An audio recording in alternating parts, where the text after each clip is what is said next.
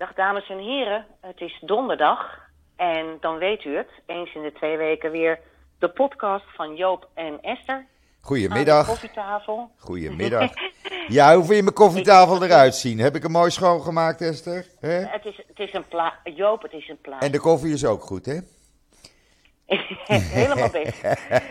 ik, ik, eh, alhoewel, weet je, ik drink alleen maar Nescafé. Ik ook. Dus ik ben een koffiebarbaar. Ja. Ik bedoel, alleen maar oploskoffie. Het is eh, podcast nummer 26, dames en heren. Ik hoop dat u bij u ook de koffie klaar staat op dit moment. Of eh, misschien op een later tijdstip een biertje of een wijntje.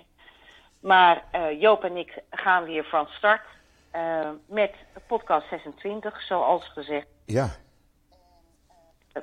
Joop, we hebben inmiddels fans van over de hele wereld, hè? Ja, eh, we hebben ruim 210.000 mensen die naar ons luisteren. Maar daar zit bijvoorbeeld ook twee mensen in Alaska bij en eh, twee mensen in Brazilië, of vier in Brazilië. Waarvan er één, die ik kende uit Amsterdam, in het midden van de Bush Bush woont. En ik weet dat eh, René luistert. Dag René, welkom. Hartstikke mooi. Volgens mij heb je het daar warmer dan wij hier in Nederland. Ja, ja en ook eh, warmer dan bij ons. Alhoewel, het is niet slecht. We hebben eh, 17 graden, maar we krijgen me toch een weekend. Nou, daar wil je niet eh, bij zijn, eigenlijk. We Misschien maar wel. eh, nou, we Lekker krijgen, storm, wind, hagel en regen. eh, we krijgen twee dagen heel veel regen en sneeuw op de Golan en de Germon. Dus na eh, maandag kunnen ze weer skiën. En dat gaat het hele weekend door. Dat begint eh, vannacht. En dat zou non-stop doorgaan. Tot eh ja, weet je, ik noem, het, ik, ik noem het kaarsjes weer. Ik zie er altijd maar het positieve van in. Ja, ook hier in Nederland, altijd als het regent enzovoorts, dan doe ik de kaarsjes thuis aan. En dan eh, is het voor mij cocoontijd. gezellig. Eh, en dat is maar beter dan dat je alleen maar loopt te huilen over alle regen. En, eh, nou, ik heb hier van de week hagel gehad. Ehm, eh, maar goed, dit is allemaal priepraat over ja. het weer. Ja, ja. Zullen we beginnen over ernstiger zaken? En dan is er nogal wat gebeurd vannacht in Israël. Ja. Zullen we daar maar even mee beginnen? Ja, heel triest. Eh, er zijn twee eh, commando-officieren eh, door een andere officier doodgeschoten per ongeluk. Twee jonge jongens, Itamar El Harar van, van 26 jaar oud en Ofek Aharon, 28 jaar oud. Er was een training in een commandobasis in de Jordaanvallei. En na de training liepen zij nog een rondje met z'n tweeën rond de basis. Ze zagen eh, in de verte iemand eh, bewegen, riepen hem toe te stoppen. Er werd niet op gereageerd. En ze schoten in de lucht, waarop er teruggeschoten werd. En zij dodelijk gewond raakten. En wat bleek nou? Degene die terugschoot was een collega van deze twee officieren. En die dacht te doen te hebben met Palestijnse dieven, omdat dat eh, aan de orde van de dag is. Die proberen wapens en andere eh, uitrusting eh, te stelen uit een legerbasis. En vooral in de Jordaanvallei. En het is heel triest nieuws, heel triest. Eh, de ene Wat een drama. ja, het is een drama. De ene soldaat was een jaar Ja, geleden in, het getrouwd. Engels, in Engels heet het eh, friendly fire. hè? Friendly Fire, ja, ja. De ene soldaat was een jaar geleden getrouwd en de andere zou in maart gaan trouwen. En eh, ja, het is verschrikkelijk. Het hele land is er van, eh, van kapot. Eh, je mag wel zeggen, er is een soort rouwstemming. Iedereen is er toch wel mee bezig. Ja, het is een diep tragisch verhaal natuurlijk. Ja, verschrikkelijk. En het komt, het, het komt heel vaak voor, hè? Eh, ja. Ook eh, in Irak en de- in alle oorlogen. Ja, maar er speelt hier iets mee. Er speelt hier iets mee. En ze hebben, wat is er namelijk gebeurd? Juist door die vele diefstallen hebben ze niet lang geleden de schietinstructie veranderd. En dat betekent dat soldaten mochten schieten uh, als er niet gereageerd werd op bevelen. Nou, dit is het gevolg ervan. Wow. Ja.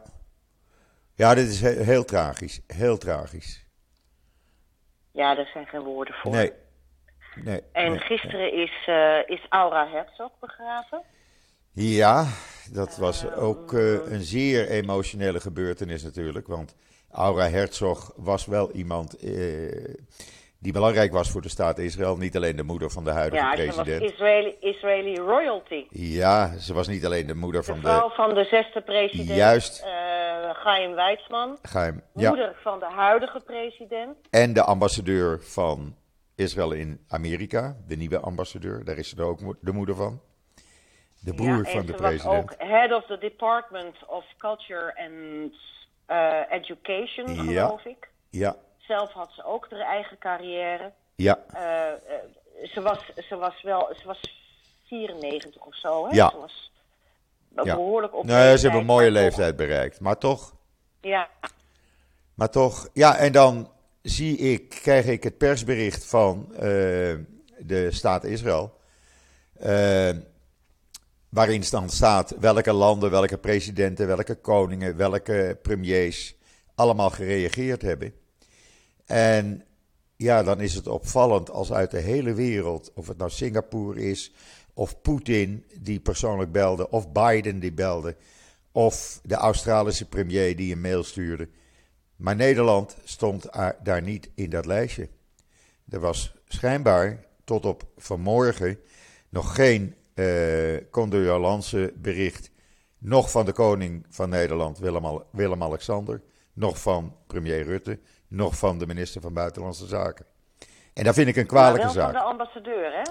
Ja, maar dat telt dus niet. Hè? Het gaat dus hier in, uh, ja, om, om de leiders zeg maar, van een land die reageren. En ik Ja. vond het dus opvallend dat Nederland daar niet in stond. Stond eh, Duitsland er wel in? Ja, en de koning van Spanje. Eh, en Johnson natuurlijk. eh, maar ook de premier van Singapore, wat ik zei. eh, andere Aziatische landen. eh, eh, Oekraïne, noem maar op. Overal vandaan. Brazilië. In, in Israël wordt dat ook echt gevoel, voer, gevoeld, hè? Als er geen reactie uit Nederland komt. Ja, kijk, zij is afgelopen maandag overleden. Dan kan je zeggen, nou oké, maandag was men bezig die regering te installeren. Maar het is bekend in Nederland dat de vrouw, de moeder van de president, eh, overleden is. Stuur dan even een mailtje eh, op dinsdag, bij wijze van spreken. Je hoeft niet eens te bellen. Maar laat in ieder geval als premier of als koning of als minister van Buitenlandse Zaken iets van je horen. Nou, minister van Buitenlandse Zaken heeft op dit moment andere problemen, want Hoekstra is eh corona-positief. Ja, nou, dan heeft hij tijd om een mailtje te sturen. Hè? Jo, we gaan door naar het volgende onderwerp. Ja, de corona zeker. En eh, ja, kan niet missen. Sorry. Ja, nou ja, eh, heel in het kort. Israël blijft koploper. 48.095 besmettingen, nieuwe besmettingen op eh, woensdag. In totaal eh, zijn er nu 258.664 mensen actief eh, besmet. Die zitten allemaal in quarantaine. Daarnaast zitten er nog een eh 100, 150.000 mensen in quarantaine. Doordat zij of in aanraking zijn geweest met iemand die besmet was. Of een van hun kinderen eh, het virus bij zich heeft. Of in quarantaine zit vanwege besmettingen in de klas. Daarnaast, eh Eran Sigal. Ik denk dat jij hem ook wel kent van social media.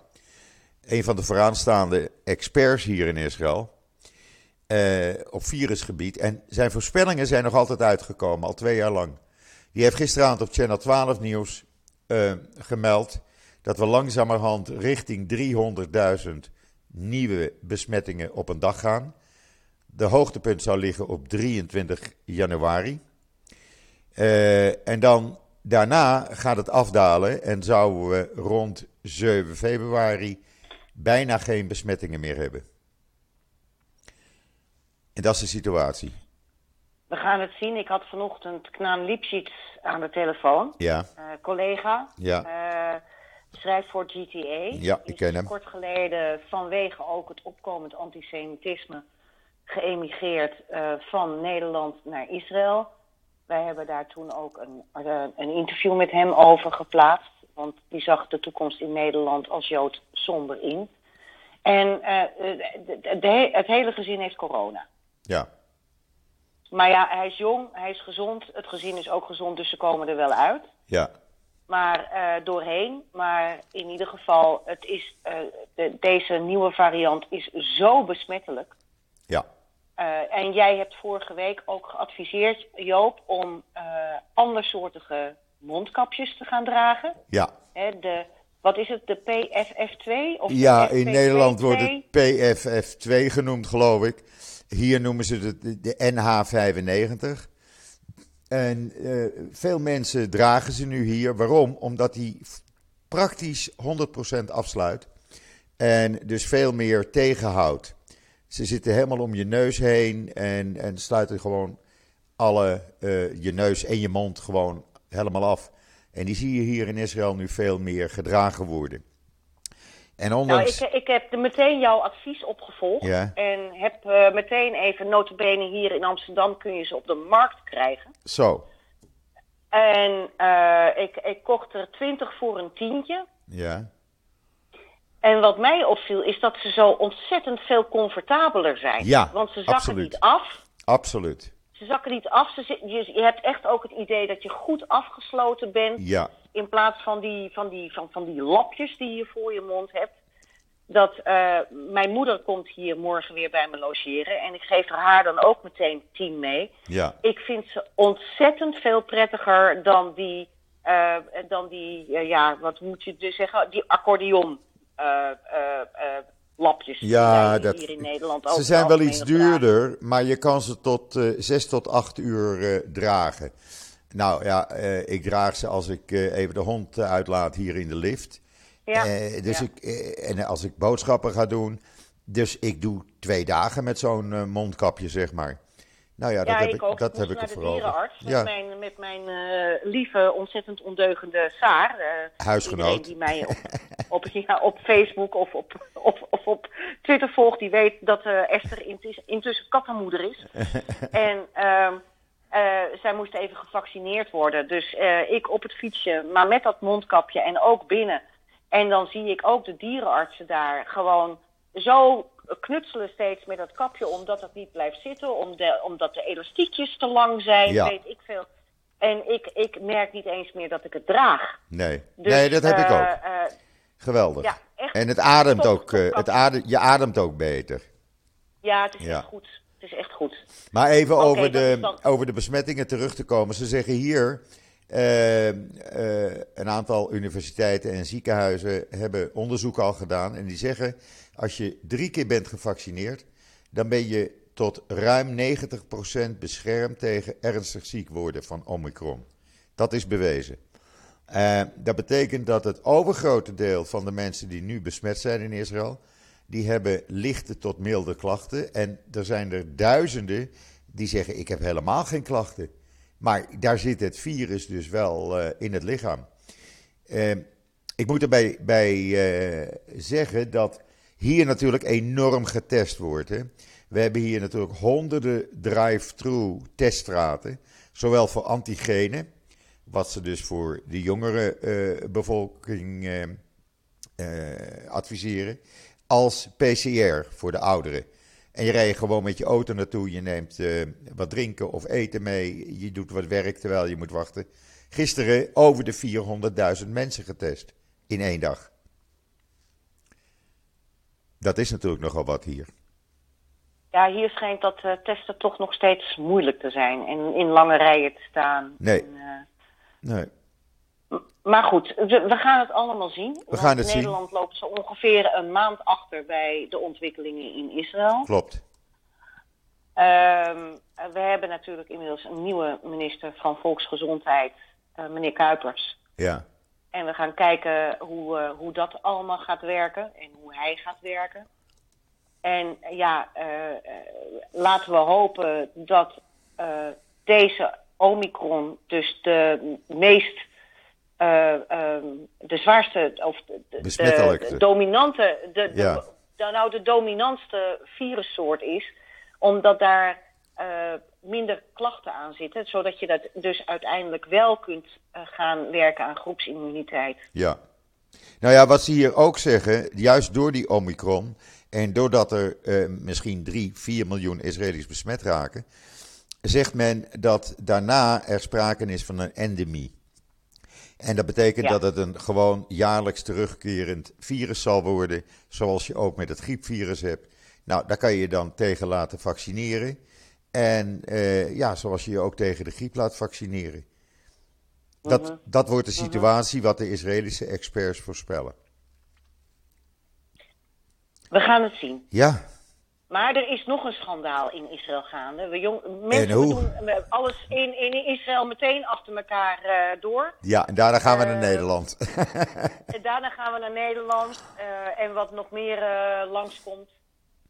want je ziet bijvoorbeeld ook, dat was vanochtend weer, werd dat bekend, dat weer een congreslid van de Republikeinen het uh, net zoals Thierry Baudet in zijn hoofd haalt om de huidige crisis te vergelijken met de jodenvervolging. Ja. Lang leven. Ja. Niet te geloven. Nee, het, het, blijft maar doorgaan. in ieder geval, uh, we gaan nog even door naar het andere, het schandaal in Israël op dit moment. En dat heeft te maken met Iran. Ja. En met spionage. Gisteren groot uh, nieuws hier in Israël. Uh, de Shin Bet maakte gisteren bekend. Shin Bet is de Binnenlandse Veiligheidsdienst. Uh, dat ze enige dagen geleden vijf Joodse Israëli's hebben opgepakt. Wegens spionage voor Iran. Vier vrouwen, waaronder uh, twee grootmoeders. En een man van een van die vrouwen. Die bleken jaren geleden vanuit Iran naar Israël te zijn geëmigreerd. Zoals vele duizenden Iraniërs, Joodse Iraniërs dat gedaan hebben. Ja, je hebt hele Iraanse straten in Tel Aviv. Ja. Hè? Dat, de ja. Afshin Elian, die zei van, uh, die toen hij Israël bezocht, uh, ik kom hier thuis. Want ik hoef alleen maar Farsi te spreken en de, de, mensen verstaan me. Die had echt een... die had echt het idee dat hij door de straten van Isfahan liep, bij Klopt. spreken. Klopt. Maar deze vier vrouwen, die bleken via Facebook in contact te zijn gekomen met een Iranier, dat dus een Iraanse agent bleek te zijn, onder de naam Ramboet Nambar, Namdar. Of dat zijn echte naam is, weet niemand. Een hele charmante man die die vrouwen om zijn vingers uh, winde, laat ik het zo maar zeggen. En op een gegeven ogenblik vroeg van, ach, uh, tegen een van die vrouwen, uh, Weet je, kan jij niet eens een keer de Amerikaanse ambassade uh, fotograferen? Ik wil er graag een foto van hebben. En ook het ministerie van Binnenlandse Zaken. Of eigenlijk de, de shoppingmall in jouw woonplaats Golon. Hoe ziet die er nou uit? Stuur eens een fotootje op. Uh, en haar echtgenoot, die vermoedde dat het om spionage ging. Maar die deed verder niks. Die heeft ook met die man gesproken. En die hielp zelfs bij het fotograferen van de Amerikaanse ambassade. Eh, wat eigenlijk verkeerd afliep, omdat de beveiliging het in de gaten kreeg. En ja, zo werden die vier vrouwen, zeg maar, helemaal. Uh, ja, die stonden onder zijn invloed, laat ik het zo maar zeggen. Jarenlang, vier, vijf jaar, is dat doorgegaan. Er was één vrouw van 57, een grootmoeder uit Bet Die had meer dan vier jaar contact met hem. En die heeft wat taken uitgevoerd en daar kreeg ze 5000 dollar voor. Nou, dat is natuurlijk een boel geld. En een andere moest uh, proberen haar zoon bij de inlichtingendienst uh, uh, in het leger te laten plaatsen. benaderde ja, ja, daarvoor ja, een Knesset-lid, weet je. En ja, het is een heel verhaal geworden. Ik heb het allemaal bij mij in mijn blog staan. het is een heel verhaal. Ja, hoe die mensen gestraft zullen worden, voor hoe lang, dat weet ik niet. Er wordt wel gezegd, ja, er zijn wat verzachtende omstandigheden, maar dat ze voor jaren de cel ingaan, dat mag duidelijk zijn. Nou ja, er zijn een paar moralen van dit verhaal. Hè. Uh, allereerst, um, uh, nou, de, de, de, grootste conclusie vind ik eigenlijk: uh, pas op met wie je als Facebook-vriend maakt. Ja. En ik zelf heb namelijk de policy dat ik via Facebook Messenger, als het gaat om werk of wat dan ook, gewoon niet reageer. Dat heb ik ook weer op mijn Facebookpagina gezet. Kijk, een heleboel mensen bij mij reageren via Facebook op Messenger als ze denken dat ze een verhaal hebben voor het NIW. En dan zeg ik stevast contact opnemen met redactie.niw.nl. Ja. Niet via Messenger. Nee. Want A, ik kijk het zelden tot nooit na. Want ik heb ook Twitter, ik heb ook WhatsApp enzovoorts. Ik word er gek van. Ja. Want ik weet soms niet meer wa wa waar iets is binnengekomen. Of dat via een van mijn e-mailadressen is binnengekomen. Of dat het via Facebook Messenger is binnengekomen. Of dat het via uh, WhatsApp is binnengekomen. Of via mijn DM op Twitter. Dan alleen al om zo'n bericht terug te zoeken, ben ik dan al vijf minuten bezig. Van ja, waar stond dat ook alweer? Ik heb het ergens gelezen, maar. Uh, en ehm uh, ja, toch uitkijken met uh, wie je Facebook-vrienden zijn. En je weet het, Joop, ik, ik, ik publiceer nooit iets van mijn familie. Nee, Sowieso. Doe ik ook niet. Nooit. Doe ik ook nooit. Van niemand niet. Nee. En uh, soms ben ik ontzettend trots en heb ik enige foto's. En denk ik, oh, wat zou ik dat graag willen delen. Nee. Ik doe het pertinent niet. Nee. Categorisch niet. Ook, uh, ook niet op, uh, op Twitter. Ehm, en mensen die zakelijk iets van me willen, ja, die moeten eigenlijk gewoon maar een mailtje sturen naar redactie.niw.nl. Ja. Dat heeft ook een andere praktische voordeel. Want als ik bijvoorbeeld een keer niet aanwezig ben, of ik ben met een reportage bezig, of ik ben, nou, lig in de lappenmand of wat dan ook. Alles wat binnenkomt bij het NIW wordt op maandagochtend in de redactievergadering besproken. Ja, ja. Dan kun je dus veel beter je mail hebben gestuurd aan de redactie dan aan puur Esther Voet via Messenger. Want dan moet ik het weer kopiëren, knippen en plakken en doorsturen aan de redactie. En dat doe ik gewoon niet vaak. Nee. Uh, dus dus uh, zelden tot nooit eigenlijk. Nee. De. Messenger gebruik ik eigenlijk alleen voor familieleden en vrienden die zelf geen Twitter hebben. Dus de, ook, en dat, dat wordt natuurlijk voor veel mensen steeds duidelijker, gebruik je sociale media gedoseerd. Ja, en pas op wie je toelaat als volger. Ja, ja. Heel duidelijk ja. uit dit verhaal ook. Ja. ja. Nou ja, dan hebben we nog één nieuwtje. de man die altijd volgehouden heeft van dat er niks is en dat er niks gevonden zal worden en dat hij alles eerlijk heeft gedaan binnen de regels van de wet. En dan heb ik het over. Hebben we het nou over Netanyahu? Benjamin Netanyahu.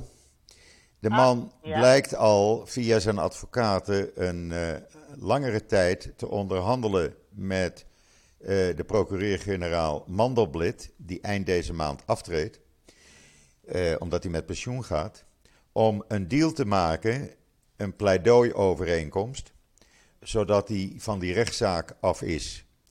En, en welke is dat dan? Is dat dan alle, 1, 2, 3? Allemaal. Allemaal. Allemaal. Allemaal. Uh, dus hij wil een schikking treffen. Hij wil een schikking treffen. Uh, hij, de, de, de, gesprekken blijken nog steeds aan de gang te zijn. Ehm, hij wil dan ja, schuld bekennen, zeg maar dan uh, zou er een straf worden bepaald die dan niet ten uitvoer wordt gelegd. Maar hij moest ook, zoals ze dat hier zeggen, uh, verklaren dat het een morele schande is. Uh, wat hij hm. gedaan heeft. Nou, dat wil hij niet, want als hij dat verklaart, dan kan hij de politiek niet meer in en dan moet hij uit de politiek. Voor altijd. Nou, schijnen er sinds gisteren is men aan het proberen die verklaring van morele schande iets om te zetten, zodat er een deal komt waarbij Netanyahu voor een aantal jaren uit de politiek gaat. Uh, en, uh, dat heeft hij al eerder gedaan, hè? Nadat, ja. uh, nadat weer een, een, een, een of andere in 2000, ambreuze affaire uit juist, kwam. Juist, dus hij zou dan mogelijk voor een aantal jaren uit de politiek gaan. En daarna, zeg na drie, vier of vijf jaar, weer in de politiek terugkomen. Als men hem nog wil hebben. daar wordt nu over gesproken. In ieder geval iemand die altijd volgehouden heeft van er is niks en er zal ook niks worden gevonden, is nu bereid een deal te sluiten met uh, justitie. Dat zegt er is wel iets en er is wel iets gevonden. Juist, dat zegt natuurlijk een heleboel. Hè? Want als je onschuldig bent, hoef je ook geen deal te maken. Nee. Ondertussen heeft hij het wel heel moeilijk binnen de Likud. Want hij heeft Chaim Katz deze week op een zijspoor gezet. Chaim Katz werd jaren gezien als de kroonprins, de opvolger van Netanyahu. En waarom heeft hij die aan de kant gezet? Omdat Chaim Katz zijn, uh, ja, zijn voorkeur had uitgesproken voor de 10.000 Likudniks. Dat zijn de wat progressieve Likudleden. Die vinden dat Netanyahu moet verdwijnen als leider van de Likud. En Chaim Katz had, uh, ja, had daar geen nee tegen gezegd. Uh, gevolg was dat Netanyahu hem uh, op een zijspoor heeft gezet. En Chaim Katz ja, eigenlijk nog weinig kan betekenen op dit moment. Dan hebben we natuurlijk Nir Barkat. Die probeert een miljonair, multimiljonair. Die probeert leider te worden van de Likud. En dan hebben we nog Julie Ederstein, de voor, voorgaande minister van Volksgezondheid. Die ook leider wil worden. En die worden door Netanyahu allemaal op een zijspoor gezet. Uh, uh, Netanyahu heeft een van zijn secondanten, Amsalem, uh, opdracht gegeven in de Knesset een wetsvoorstel in te dienen. Wat al door de eerste lezing is gegaan van de drie. Waarbij er niet meer dan 100.000 shekel aan persoonlijke reclame mag worden gemaakt. Om te voorkomen dat Nir Birkat er miljoenen shekels tegenaan gooit. En zo probeert hij uh, op allerlei manieren aan de macht te blijven binnen de Likud. Maar ja, tegenstanders die worden langzamerhand wat groter binnen de Likud-partij. Dus hoe dat afloopt, ik weet het niet. Nou, dat gaan we allemaal van je horen. Ja, maar dat is de situatie nu in Israël. Joop, kun je heel even de band stopzetten? Ja, die gaan we even nu stopzetten. De crisis is uh, opgelost in Huizenvoet. Het, uh, ik geloof dat het iets met, uh, met het katje het te maken heeft. Te maken. een crisiskat, zullen we maar zeggen. Oké. wij... ja, als we hem niet in Israël of in Nederland hebben, dan hebben we hem wel Ja, precies. Never a dull moment. Daar houden wij van. Anders wordt het ja, allemaal zo zaggerijnig. Katje in de puberteit, hè? Ze moet wel even weten wie de baas is. Ja, ja. Dat, ja. ja, ja. Oké. Oké. om, om even verder te gaan. Ja, nou ja, dit was dus al het nieuws uit Israël. Het belangrijkste nieuws wat er hier op dit moment speelt. En ik ben benieuwd wat er in Nederland speelt eigenlijk. Nou ja, we hebben het natuurlijk gehad over spionage. Ja. En Bart Schut, uh, collega Bart Schut, die heeft zich verdiept in de geschiedenis van de Joodse spionnen. Ja deze week in het NIW. Ja. Uh, een prachtig artikel van echt van de Bijbel en de verspieders, hè, de beroemde verspieders, tot de, het archetype waarop James Bond is gebaseerd. Ja. Wat voor mij nieuws was. Ja. Maar dat was ook een Joodse spion. Ja. Het wordt een serie van vier delen. Interessant. Waarin, waarin, we, waarin we dus ja, allerlei uh, uh, soorten spionnen, zullen we maar zeggen, belichten. Um, ook natuurlijk de Israëlische spionnen, maar ook de spionnen tijdens de Tweede Wereldoorlog. En tot aan heden, maar het eerste deel hebben we deze week in het NIW. En daarnaast stuitte ik een paar weken geleden op een kunstenaar, Ephraim Lillian een van de medeoprichters van de Bezalel Kunstacademie in Israël in 1906. Dus ver voor de geboorte van de staat. Ja. Een zeer gerenommeerde kunstacademie. En hoe? Wereldwijd, ja. En ja, ik kwam, ik kwam werk van hem tegen. Ik weet niet of onze luisteraars dat weten, maar er is zo'n beroemde foto van Theodor Herzl, waar hij over een balkon hangt. Uh, en die foto is ook uh, gebruikt voor een affiche, een embleem van het Joods Nationaal Fonds. Ik heb hem op mijn netvlies. In, ja, dat ook in die tijd is opgericht. Die foto is genomen door deze Lilian, was ook een benadigd fotograaf. En uh, Herzog keek daar eigenlijk uit in Basel. Hè? Dat was tijdens ja. een Zionistisch congres over de Rijn. En wat Lillian heeft gedaan, is daar voor het embleem van het Joods Nationaal Fonds uh, mensen achter uh, geschilderd die op weg waren naar de muren van Jeruzalem met de citadel van David erachter. Beroemd beeld, dus en die foto van Herzl en überhaupt dat embleem is van Lillian. En een groot artikel over deze man deze week in het NIW. Dat zijn de achtergrondverhalen die u ook in het NIW leest en die u nergens anders leest. Hè, zoals over de Joodse, Joodse spionnen en uh, nu ook over Lillian. Kijk, een heleboel mensen denken dat als ze aan Joden denken, dan denken ze alleen maar aan de Shoah. En wat het NIW ook zo graag laat zien, is de bijdrage die Joden hebben geleverd aan uh, de geschiedenis en aan de maatschappij. Ja, wereldwijd. En uh, wereldwijd. Of dat nou gebied, eh, op, op het gebied van wetenschap is, of van de kunst, of uh, van de filosofie. Nou, noem allemaal maar op. En wat mij opviel was dat er nooit een goede biografie over deze man is uh, geschreven. Terwijl hij toch echt een van de grootste kunstenaars van de Art Nouveau en Jugendstil was. Nou moet jij weten, Joop, er zijn een paar dingen waar ik helemaal uh, voor val. Uh, dat zie je ook in mijn huis. Dat is islamitische kunst. ik heb hier heel veel dingen uit Iran, bijvoorbeeld. Ja. Archeologie, en Jugendstil Art Nouveau. En deze man was mij totaal onbekend. Zo. Dus ik heb me daar helemaal in, in verdiept de, afgelo de afgelopen ja. week. De afgelopen week. En uh, ik heb zoiets van, waarom is er geen biografie van deze man? Want ook zijn levensverhaal is gewoon ontzettend spannend. Ja. Uh, geboren als orthodoxe Jood in een Stettel ergens in de Oekraïne, waar 80% van de bevolking Joods was, pogroms meegemaakt. En dan toch uiteindelijk terechtkomen bij, dat, bij die congressen, die Zionistische congressen. Uh, vooraanstaand lid worden van de democratische fractie, hè, waar ook Chaim Weizmann deel van uitmaakte. En ja. Martin Buber, uh, de beroemde pedagoog uh, Martin Buber. Ja. Nou, ik, ik, viel van mijn stoel en ik had zoiets van: wat is er eigenlijk ongelooflijk weinig over deze man bekend? Hm. Dus ik heb mijn best gedaan.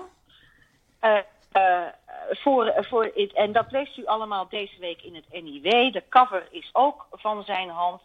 U kunt dat zien op Twitter onder meer en op de NIW Facebookpagina.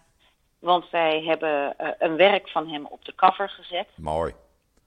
En uh, ja, verder um, uh, is er natuurlijk ook nog het een en ander aan de hand in Nederland.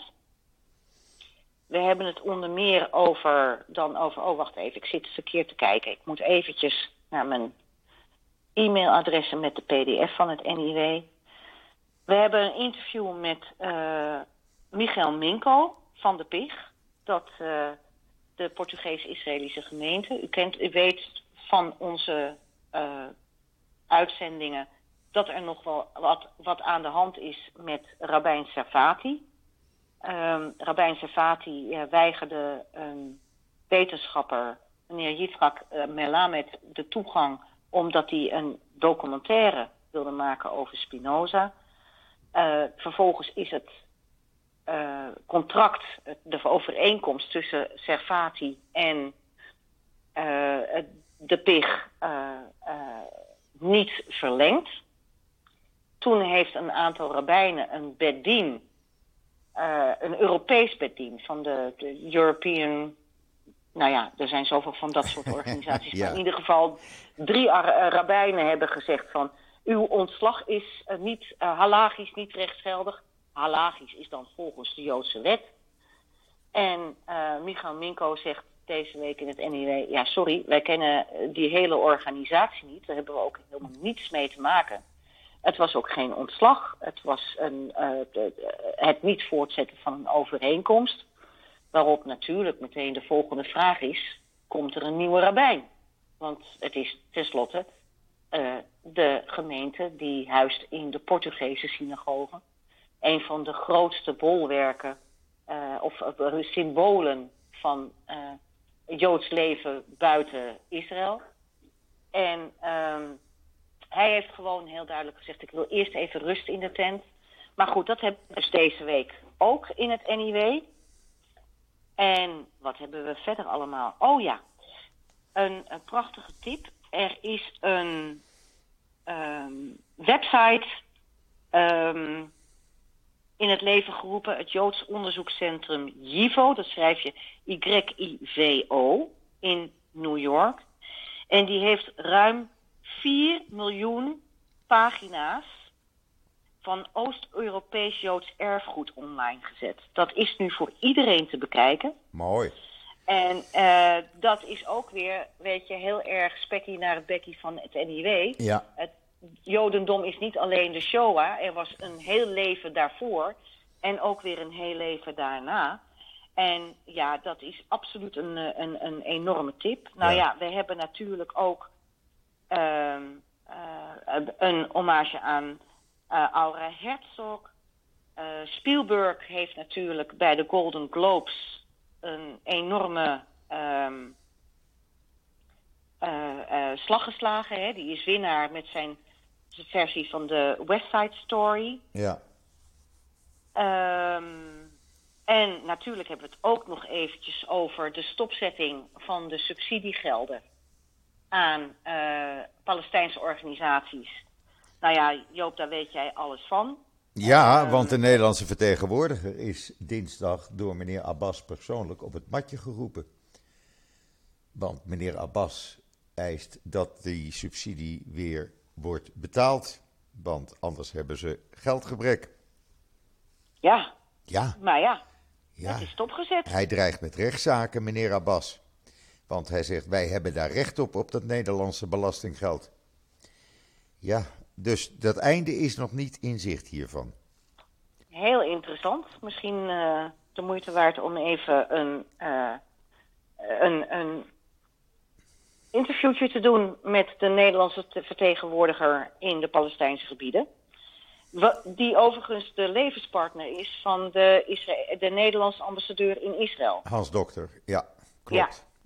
Klopt. Met van wie ik uh, alleen maar goede verhalen hoor, hoor, verder. Dus ja, ja. Is, maar het is, het, is, het is een leuk weetje. Ja, het is even. We, hebben, we hebben ook een, een, een artikel over Herman van Praag, de beroemde psychiater die biologische psychiatrie op de kaart heeft gezet in Nederland. Die heeft een boek geschreven over Mozes als grondlegger um, van de mensenrechten. Ja, Heel interessant. En ja, uh, zo gaat het eigenlijk. Uh, maar, en, heel belangrijk, wij hebben als NIW Jigal Krant, die jarenlang de culinaire rubriek voor het NIW heeft verzorgd. En die de laatste jaren ook zeer veganistische, heel smakelijke veganistische recepten op het NIW, in het NIW plaatste. Met ook altijd daar een leuke anekdote bij. Nou, Yigal heeft gemeld, ik laat, ik laat dat hele uh, culinaire nu los. Dat gaat hij ook doen. Hij, hij, heeft mij gezegd, ik ga er verder geen boeken meer over schrijven. Oh. Dus hij wilde uh, afscheid nemen uh, van ons, wat dat er gaat. Um, en wie het heeft overgenomen, jou, de jou wel bekende Joop, Mickey Cornelissen, Ach, onze enige echte keukenprinses. wat leuk. Ja, en eh, die gaat de rubriek nu verzorgen. Die is begonnen met maar meteen een, eh, een vleesgerecht. Ja, Eh, een heerlijk stukje lam. En wat wij ook vragen van onze lezers is of jullie mooie recepten hebben die misschien eventueel doorgegeven zijn van generatie op generatie, zodat we die ook willen gaan plaatsen. Want laten we wel zijn, eh, Joods Nederland is een schatkamer aan prachtig, eh, prachtige recepten, prachtige hoe? Joodse recepten. en hoe? En we hebben al meteen reactie gekregen, onder meer ook van Henk Bakboord. Want die zegt, pom. eh, Henk komt oorspronkelijk uit, heeft, is van Surinaamse afkomst. Ja, En het Surinaamse gerecht pom, dat schijnt afkomstig te zijn, of dat heeft zijn oorsprong in een Joods Ashkenazisch gerecht. Ja, mensen, daar word ik alleen maar vrolijk van. ja. Dus, dus ook de luisteraars van deze podcast nodig ik uit. Heeft u een bijzonder eh, gerecht dat kosher gemaakt kan worden met een, met een mooie eh, anekdote erbij? eh, neem contact met ons op. Want wij publiceren dat graag. We koken het na. We maken er een mooie foto van. We gaan aan onze lezers vertellen hoe je het klaarmaakt. En ja, eh Mickey is daar natuurlijk eh, perfect voor. Dus eh, aflevering 1 deze week in het Engels. Leuk, leuk, leuk. Leuk. Ja, en er wordt natuurlijk gegeten in, in de Joodse gemeenschap. Want ik heb, ehm, nadat Michel overleed, heb ik het kookboek wat zij van haar moeder had, die het weer van haar moeder in Casablanca had, heb ik aan een van de schoondochters gegeven. Die daar dus regelmatig Marokkaanse recepten uit eh, klaarmaakt. Hoe vind je die? Joop, En zo make blijft, my dat, day. zo blijft dat in de familie. Make my day. Dat vind ik een beeldschoon verhaal ook. Dat zou ik zo graag publiceren met een prachtig recept uit dat kookboek. Nou, ik kan, eh, ja, dan moet ik eventjes eh, even aan de bel trekken bij haar. En eh, even vragen of ik het kookboek even terug kan krijgen. En dan kunnen wij daar even Ja, doorheen gaan bladeren. contact met ons opneemt. Weet je, er, er, is, dus er is van alles mogelijk. Ja, ik zal wel We eens met ze erover hebben. Ja, want het is met Het de hand. natuurlijk, het, zou natuurlijk, het zou natuurlijk prachtig zijn ook als dit ooit nog een keer in boekvorm weer Ja, nou, het is een heel dik boek. En weet je wat het mooie in is? Het is allemaal met de hand geschreven. In het Frans. Ja, och, dat is toch... Uit Casablanca, ja, het is niet te geloven. En zo heb ik natuurlijk de Marokkaanse keuken leren eten. Ik bedoel, jij hebt Michel gekend en je weet hoe, Ja. eh, wat ze aan het koken was. Want je hebt hier ook op vrijdagavond wel eens eh, gegeten bij ons. Ja, En, ook eh, jouw beroemde patatjes. eh, ja, beroemde en de couscous en het lamsvlees uit Marokko. En nou ja, wat soep uit Marokko. En ja, ik ben eh, helemaal fan van de Marokkaanse keuken geworden daardoor. Ja, nou, Al ik, jaren. Ik eet liever, Maro ik eet liever Marokkaans dan Ashkenazisch. Ja, absoluut. Ik, heb Ik ga helemaal ik met je mee. Een Sephardische, ik heb echt een Sephardische eh, smaak. Ja, maar dan, hebben we, dan heb ik natuurlijk ook nog een schoondochter van de middelste zoon. Die eh, komt uit Iran. En die maakt dus Persische gerechten. Een Persische couscous. En ja, eh, dat is weer heel anders. Totaal anders. Maar het is geweldig. Eh, die, die... Make my day. Ja, dat is, eh, dames en heren, als u ooit Israël bezoekt, het is een culinaire smeltkroes waar je zelfs eh, in Nederland niet mee hoeft te komen. Nou, ik zei het heel Kijk, simpel. Ne- Ne- Nederland staat bekend om het feit dat we een diverse eh, keuken hebben. Hè? Indonesisch, Chinees, noem het allemaal maar op. Maar de, in, in, wat je in Israël allemaal tegenkomt, ook de Jemenitische keuken, die ik heerlijk vind. En eh, ja, nu ook de Ethiopische. Ethiopische keuken. Ja, toevallig Ja, mijn kleindochter, die hier al een aantal maanden is, die is een tijdje terug met die groep van Massa naar een Ethiopische eh, ja, restaurant gegaan. En daar hebben ze Ethiopische gerechten leren klaar, klaar- klaarmaken en, en bereiden. En die hebben ze ook Ja, ik opgegeten. heb ze in, Ethiopische, in Ethiopië natuurlijk gegeten. Toen Ja. ik daar eh, ooit een maand op een bergtop zat. Ja, En die injera die werd ook gebakken op, op eh, pannen gemaakt van, eh, van eh, gedroogde koemest. Ja, Je Ja, wil het allemaal ja. niet weten. Maar de, de- op, op zich is injera ontzettend lekker. Maar ja, kijk, jij zegt over de verscheidenheid van de Israëlische keuken. hè. Ik bedoel, ik kom dan uit Nederland in deze familie. Hè, in de, in de Moreno-familie. Ik kom uit Nederland. Dan was Michel, kwam uit Casablanca. Dan hebben we een Belgische schoondochter. We hebben een Iraanse schoondochter. En we hebben een Israëlische schoondochter. Nou, dan hoef ik jou niet te zeggen wat hier allemaal op tafel kwam in de afgelopen tientallen jaren. Ja, fantastisch. Dat is toch geweldig? Dus dames, dames en heren, dit is een oproep. Heeft u een mooi gerecht uit wat voor Joodse keuken het ook komt? U bent zeer welkom Ja. om contact op te nemen met redactie.niw.nl. En redactie is met een C. En eh, dan eh, gaan we u op uw lijstje plaatsen tussen de eh, gehakte leber, eh, lever en nu ook dat, die, die enorme lekkere lamsbout. Enzovoort. En de couscous en de gebakken aardappeltjes. Ah, ah, ah, alles mag mee. Alles mag mee. absoluut, Dus, eh, absoluut. Wij hebben het wel eens zo gedaan met, eh, met Pesach. Hadden we jaren terug, ik denk een jaar of zeven geleden, hadden we eh, gerechten uit waar wij vandaan kwamen allemaal. Dus er was iets Nederlands, iets Belgisch, iets Israëlisch, iets Iraans en iets Marokkaans op tafel. Nou, dat was geweldig. Dat was zo leuk. ja, de haringsalade, hè? Met, eh, Ja. met het aan, de aanbijten naar Yom Kippur. Ja, en haring is hier vers te krijgen. In Noord-Tel Aviv zit een viswinkeltje. En de man heeft twee maanden lang bij oude hand in Scheveningen geleerd om haring schoon te maken. Ja, echt. Ik ga er heel af en toe Zo naartoe. zie je maar. Ja, Ja. en dan heb ik heerlijke haring zoals in Nederland aan de stal. En Nou ja, daarbij komt, als je in Israël in hotels komt, eh, bij het ontbijt, eh, allerlei soorten zure haringen. Ja. Ja. Ja, maar hij verkoopt dus de Hollandse maatjes, hè? Hij verkoopt echt de, de zoute haring. Ja, de maatjes. Ja. Ja. Ja. Ja. Dus dat is, eh, dat is heel leuk om dat af en toe eens even te kopen. Of een scholletje of een wijtingje. Heeft hij ook allemaal. Dus ja, Ontzettend leuk. ja, leuk hoor. Leuk. Dus je ziet, als je in Israël, als je in Israël bent, je, je, ja, je kan van elke keuken, waar ook ter wereld, genieten. Echt. Ja, dat is, dat, dat is echt, daarin is het on, onnavolgbaar. Ga maar naar Sarona, dat nieuwe com- eh, complex bij, vlakbij Azrieli tegenover de Kiria, de legercommandopost. Eh in Tel Waar Aviv. is dat ongeveer? In Eh, Tel Aviv. Tel Aviv, oké. Waar Ja. de IDF het hoofdkant- hoofdkantoor van de IDF is. Waar vroeger Ja. de huizen stonden van de Duitse. eh, hoe heet dat nou? Die eh, Duitse christenen die daar een dorpje hadden gebouwd.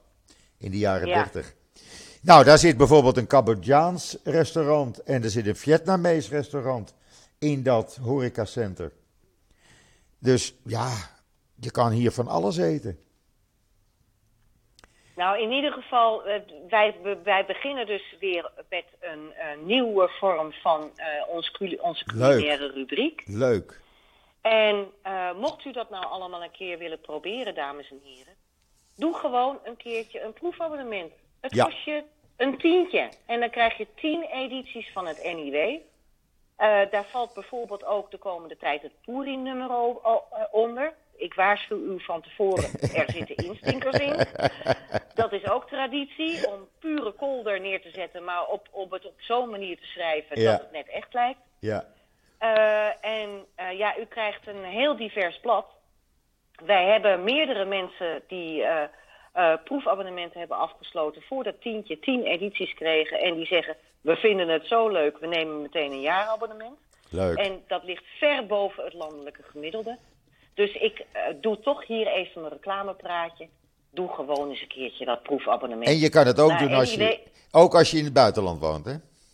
Ja, zeker. En we hebben, we hebben een digitaal abonnement ook. Dan, dan, dan zie je het iedere week gewoon digitaal op je computer verschijnen. Precies. Dus eh, er is van alles mogelijk. En eh, ik maak toch even dit reclameplaatje. Absoluut. Gewoon even doen. Het kost je een tientje. Hè? En je Doen. krijgt er meer voor dan je staatslot. Want daar win je toch nooit wat mee. Nee. Tenminste, ik er niet. En daar leer, en daar leer je niks van. Daar leer je niks van. Nee. Nee, nee, nee. Goh, Joop, ik wens je Shabbat Shalom. ja, we hebben er alweer 50 minuten op zitten, Esther. Het gaat Ja, zo snel. Het gaat zo snel. Jij ook een goede Shabbos. Good Shabbos. Eh, en maak er een mooi eh, en veilig weekend van. En dat wens ik iedereen toe eigenlijk. Shabbat Shalom. Ja, en- Een mooi weekend. En hou het vooral corona veilig. Gezond. Ja, blijf, ge- blijf gezond. Oké. Oké. Tot, Tot over ziens. 14 dagen, Joop. Tot dan. Dag Esther. Dag.